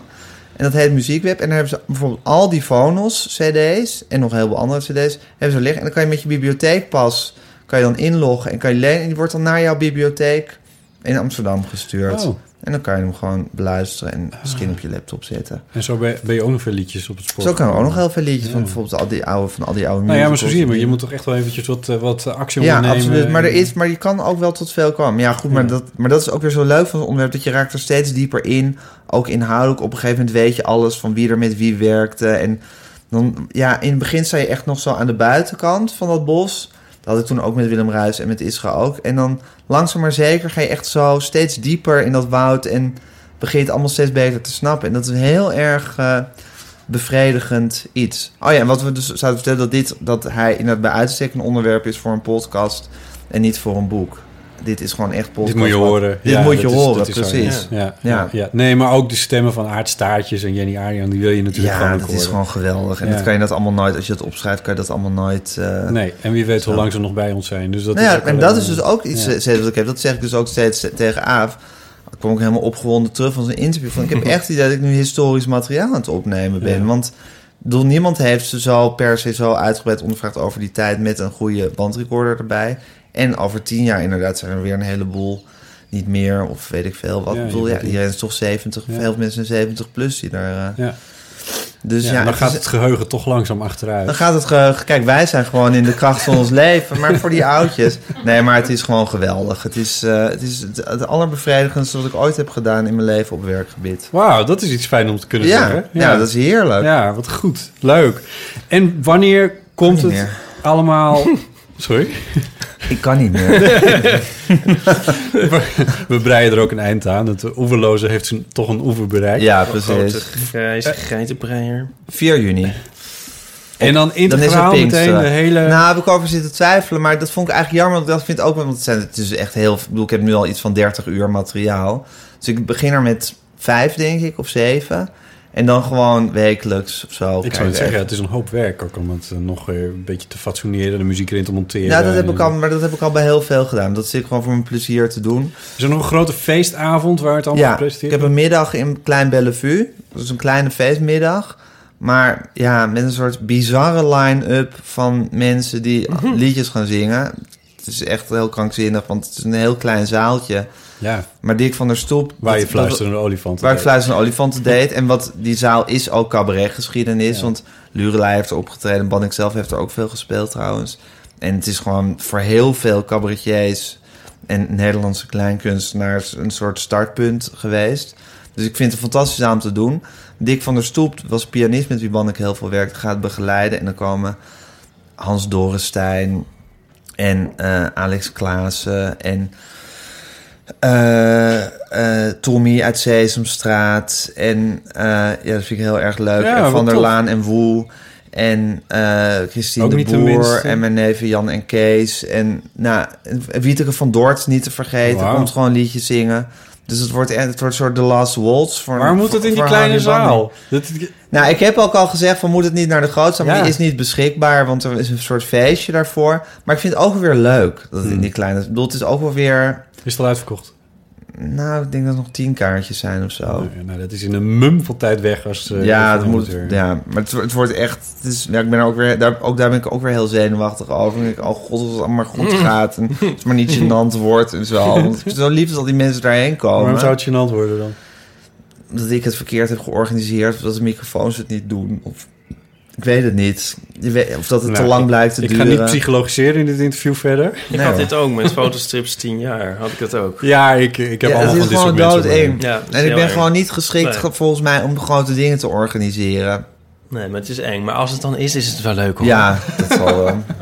En dan nog even trouwen en dan... eh. Dan, dan zit het er voor dit ja, jaar eigenlijk wel we weer dit jaar dan even op vakantie. Oké, v- 4 juni zei je, hè? Dat, 4 juni gaat hij online. Gaat hij Dat is op online. Pinksteren. Het is op een mooie Pinksterdag. ah, dat is ja, hem. ik moest een eh, datum verzinnen. Ah, wat dat goed, wat goed. Nou, dit is eenvoudig te onthouden. Ja. inderdaad. Zelfs voor iemand die 40 is. Ja. Ehm, heb- hebben we alles gecoverd nu? Nou, alles. Nou ja, Niet alles. Nee, nee, nee, nog maar- dingen te coveren. ik heb een scoop en we hebben banning gehad en we hebben Ja. 40 gehad en we hebben... Ja, wat leuk is dat mijn zoontje, mijn- mijn grote zoon van 16, die had een keer, eh, die, die voetbalde bij Eiburg vroeger toen hij 9 was of zo. Dat een keer keeperstrainer van jouw neef die ook Botte Jellema heet. Ja, dat klopt ja. Ja, dat vond ik zo apart dat er nog iemand was die Botte Jellema heette. We zijn weer bij de rubriek. Nog iemand die Botte Ja. Jellema heet. Fantastisch. Nee, dat is mijn, mijn neef, hij woont inmiddels in Utrecht Hoeveel. Botte Jellema's zijn er dan? Eh, niet? strikt genomen zijn er twee. Ja. eh, die vernoemd zijn naar dezelfde opa. ja. Eh, hij is geboren, ik ben geboren in Friesland, hij is geboren in Zambia. Oh ja? Ja. Eh, zijn vader was eh, eh, ontwikkelingswerker. Oké. Ehm, en ik heb nog een paar neven. Ipe die... is echt zo verveeld. nou, dat vind ik zielig. Nee. Elke keer Maar moeten we er hier doorheen. een, je hebt nog een paar neven. Eindelijk kan ik iets trotsigs over mijn naam zeggen. Want ik word zo vaak aangesproken op mijn naam. En ik doe het zelf trouwens ook. En dan zit je me uit te lachen. Nou, ehm, nee, dat is mijn neef. Maar hij woont inmiddels in Utrecht. Eh, Hebben jullie eigenlijk wel hebben jullie eigenlijk wel eens echt ruzie? nee, Of blijft het altijd zo'n soort, zo'n soort tongue in cheek. bijna venijnige spanning In één vlak onder de oppervlakte? In een van de eerdere afleveringen dan wordt Botte een soort kwaad... omdat ik me niet, niet vegetarisme niet met genoeg vuur verdedig of zo. Dat vond ik het meest wat, wat dichtst in de buurt van... Van eh, ruzie komen. Welke is dat? Want die heb ik niet Nee. gehoord. hoor. Ik Welke weet- is ja, dat? Moet ik even, Ja. moeten we even opzoeken. Nee, dat weet ik zo ook niet meer. Maar was er niet nou nog één? Was er toch nog één? Vertel nog maar verder. Nee, Botte Jellema. Ja, oh. Ja, die opa dus. We hebben die opa en die twee neven. Nee, maar er is er toch nog eentje die niet En is er nog is? Maar ik, ik, ik heb dus een foto van een grafsteen waar heel groot Botte Jellema op staat. Oh, dat is ik vond het wel wel leuk leuk. om af en toe aan iemand te sturen. Ja, dat is zeker leuk. Maar goed, dat is mijn opa dan. nou, anyway. Dat is het voordeel van eh eh, in Ja. gereformeerd Fries gezin opgroeien. Dan word je netjes vernoemd naar je opa. Precies. Ja, Misschien moet ik toch beter opletten de volgende keer. Ik dacht, is die andere zijn neef gewoon? dat is, ja dit bestaat echt. Dat is een keeper Nee, ik wist dat er nog een Botte Jellema was, maar ik wist niet dat het een neef was. Dat is een neef van mij, ja. Oh. Ja, en we, we hebben, maken wel eens grapjes over, want hij is dus hij is acteur ook. eh, dus Acteur en keeperstrainer. Ja, ja. Leuk. En eh, eh, dus, dus hij heeft ook wel wat dingen in de media. En dus als je Botte Jellema googelt, dan lopen onze projecten enorm door elkaar. Oh, dat is lastig. Krijgen, nee, dat vinden we eigenlijk wel leuk. Wat vind je leuk? We zeiden van dat, nou, dat versterkt de brand eigenlijk alleen maar. De brand Jellema. Oh ja. ja, als eentje van jullie nou echt mega succesvol wordt, is het misschien toch een beetje nou, dat is eigenlijk al een beetje aan de hand. Dat is natuurlijk al wel. Dat is een beetje aan de hand. Nou, Ipe, dit vind ik gewoon Ja, onaangenaam. wat zit je nou weer, je over je rug zit je met Ipe, dit vind ik gewoon niet leuk wat je doet. Oh, sorry. Sorry. Ja, nee, ja. nee, je hebt gelijk. ja. de, ha- hel- de halve uitzending met Joost de Vries ging het hier ook over. Nou, Er is nog een Joost de Vries die ook Oh, schrijft, God. weet je wel? Hoezo echt? Daar was je toch bij? ja, ja. Is er nog ingezonde Daar ben ik laatst aan begonnen aan die uitzending met Joost de Vries. Maar volgens mij is nog niet afgehoord. Maar de eerste helft ging het er niet over, Nee. toch? Volgens Nee, mij. volgens mij Nou, de tweede helft gaat er dan over. Oké. Of, Of de derde record. helft. Soms praten we Ja. nog na met mensen. Oh ja. Dat gebeurt ook. Derde helft inderdaad. Ehm, Oké, darling. ja, Ieper, er is nog post. Er is heel veel post, maar dat gaan we nu niet meer doen. Dat gaan we wel doen als eh, eh, volgende... Nee, over, wat is het, over een dag of tien of zo, dan is eh Paulien er weer. Weer? Hoeveel uitzendingen met Paulien maken? Heel veel. We hebben, we hebben Zij is onze, onze, onze moeten- tafeldame. We moeten een beetje kijken hoe het loopt, maar ze gaat misschien elke maand meedoen, één Oh, keertje. En ik wil vaker een eeuw van de amateur maken, namelijk als het lukt elke week. Ja, eigenlijk altijd liefst met Paulien. En dan één keer in de maand met Paulien. En dan zo vaak mogelijk met Ipe, maar, dat, maar hij heeft ook een leven naar het schijnt. Dus dat, dat gaat ook niet altijd. Maar dat, eh, dat, dat, dat, is, dat is nog even mijn zoektocht naar hoe het met deze podcast allemaal moet. Eh, verder niet zo interessant. Eh, Maar jij dus, eigenlijk de baas van de podcast. ja, ja. Oké. Ja, dat, dat- en als het, als, ik, als het me allemaal niet meer bevalt, dan schet ik jullie schuiven gewoon dicht in de montage. Dat Oké, kan ook heel allemaal. goed. Dan hoor je gewoon stilte. Af en toe hoor je jou dan iets zeggen. Ja, dan hoor je mij iets zeggen, ja. Of heel hard, met heel veel bas, of dat soort dingen. Ja, Ehm, ja dus ja. maar dan ga je dus- met Paulien ga je dan de post eh, doornemen. Waar had je je daar verheugd? Wat? Daar had je je op verheugd. Nou ja, nee, goed. wel Maar ik snap benieuwd. het misschien een beetje hoe lang... Er Ja, zijn het zoveel het cijfers blijft- op dat scherm. Hoe lang duurt dit al? Dit is één uur en een kwartier ongeveer. Oh, Oké. Ik heb Ja. nog wel tijd op voor de post. Ik bedoel, het blijft wel een beetje lang liggen misschien. Of is het allemaal voor Paulien? Nou, het gaat ook een beetje over die uitzending van met Pauline en zo. En, Ah, dus ja. dat, dat, Nou, ja, Dat had ik als maar- Paulien meedoet kwamen natuurlijk heel veel reacties op. Ehm, nou ja, en, en omdat, omdat we toen heel, eh, hoe zeg je het, existentieel, podcast essentieel bezig waren over hoe het allemaal verder moet met die podcast. Ja, precies. En daar hebben heel veel mensen hebben daar suggesties Oh, voor echt? gegeven. Oké. Ja, Ja. ja. Oh, dat is Ja. wel leuk. Dus juist als je het in podcasts over podcasts hebt, is dat heel succesvol. Dus mensen zitten echt... Mijn Ja, vrienden, mijn reageren. vrienden Ik wil vonden daar het niks. Sorry? Mijn vrienden vonden het niks. Nee, er waren niet, niet Te alle meta. reacties waren positief. Nee. Hoor. Oh. ja. Ja. Meta. Te Ja. meta. Ja. Ja, Oké, ik moet ja. altijd denken aan die sketch van, eh van Coat en de Bie van eh Bellenblazen. Kennen jullie die? Van, eh, er komt de ene radiopresentator de andere interviewen over... Ken je dat? Oh, Nee. ja, Staat dit ook op YouTube? nou, het is van zo'n LP. Eh, en dan gaat het over welke programma's ze allebei presenteren. En dan zitten ze een soort van... Maar jij doet toch ook nog eh, op woensdagmiddag... Doe jij toch ook nog... eh, ja.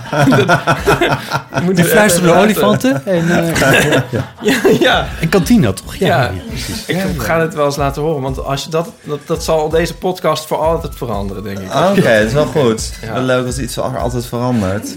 Ja. Jij wil mij steeds veranderen. Ik weet niet zo goed Nee, wat, dit, wat dit is. Nou, daar gaan we het ook nog een keer over hebben. Anyway, Leuk jongens. Gijs Groenteman, dankjewel. alles gecoverd. ja. Eerste Pinksterdag 2017. eh 4 juni is dat. Ja, Dan komt de podcast met de naam. de grote Harry Banning podcast. De Grote Harry Banning podcast komt online. En je zet hem op Soundcloud, geloof ik. Ja, nou, je kan nu al via de iTunes, want ik heb er een soort preview op gezet. Dus je kan je al Dus abonneren. kan je al abonneren, dus dat is al goed. Dus die kun je nu gewoon eh, Ja. vinden. De Grote Harry Banning podcast. Podcast. Show. Podcast. Show zeg ik er meteen achteraan. Maar, Belachelijk. Ja. Dankjewel dat je langs kwam. Graag gedaan. Heel erg leuk. Eh Ipe, dankjewel. Ja, nou, graag gedaan. Aaf, bedankt. bank. Dankjewel. Ja, bedankt. ja. En eh, dit was de, de Eeuw van de Amateur voor deze keer. Dit was aflevering nummer 32 voor de mensen die het bijhouden. En eh, deel het op Facebook en geef ons op beoordelingjes op eh, iTunes. Die helpen ons om hoger in de rankings te komen. Dat is ons al gelukt om tot nummer 24 van de podcast... 23. 23? 23 in de podcast ranking eh, te komen. Waar ik stiekem al heel erg blij mee ben. Want er zaten een paar grote jongens eh, die we inmiddels achter ons hadden gelaten. Nu zakken we weer Ernst Jan? beetje, maar, eh, is- Alexander. Nee, die stonden, die stonden op 10. Dus dat, eh, De maar goed, podcast ranking is eh, gewoon die top, top zoveel. Ja, ja, ja. Ik stond op een gegeven moment met die, met die preview op nummer 8. Oh. Goed. Tot de volgende keer.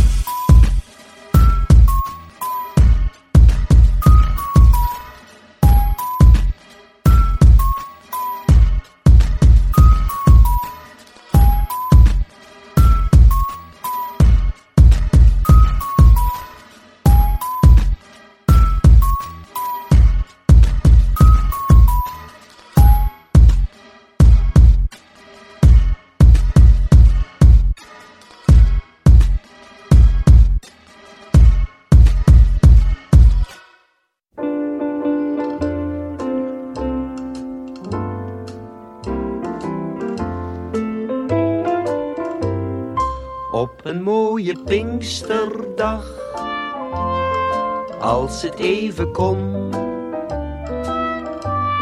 liep ik met mijn dochter aan het handje in het parkie te kuieren in de zon. Gingen madeliefjes plukken, eentjes voeren eindeloos. Kijk nou toch, je jurk wordt nat, je handjes vuil en papa boos. Vader was een mooie held, vader was de baas.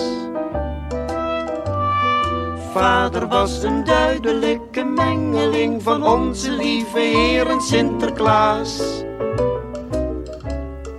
Ben je bang voor het hondje?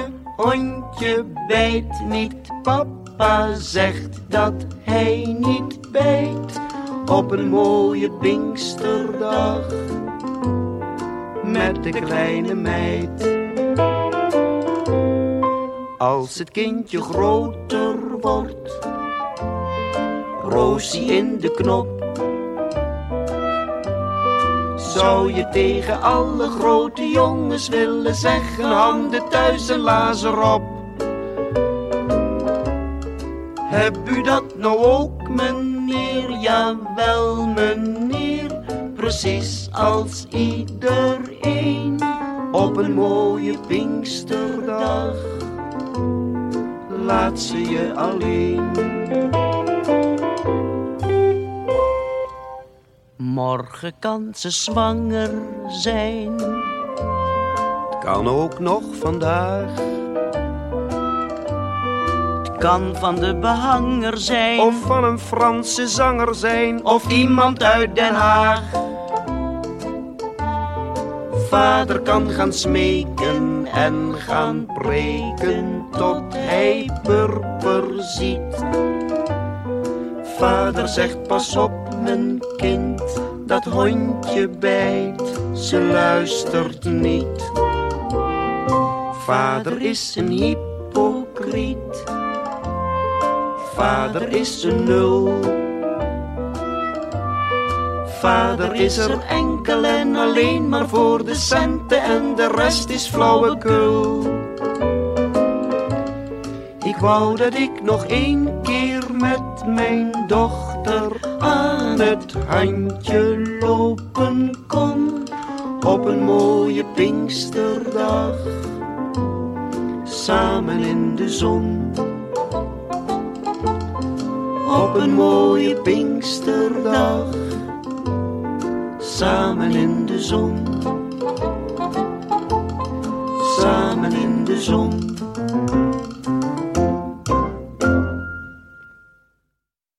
Nog even over die grootse en epische muziektheatervoorstelling. Het achtste leven voor Brilka is een marathonvoorstelling van 5 uur. Koop je tickets voor deze bijzondere theateravond via oostpol.nl.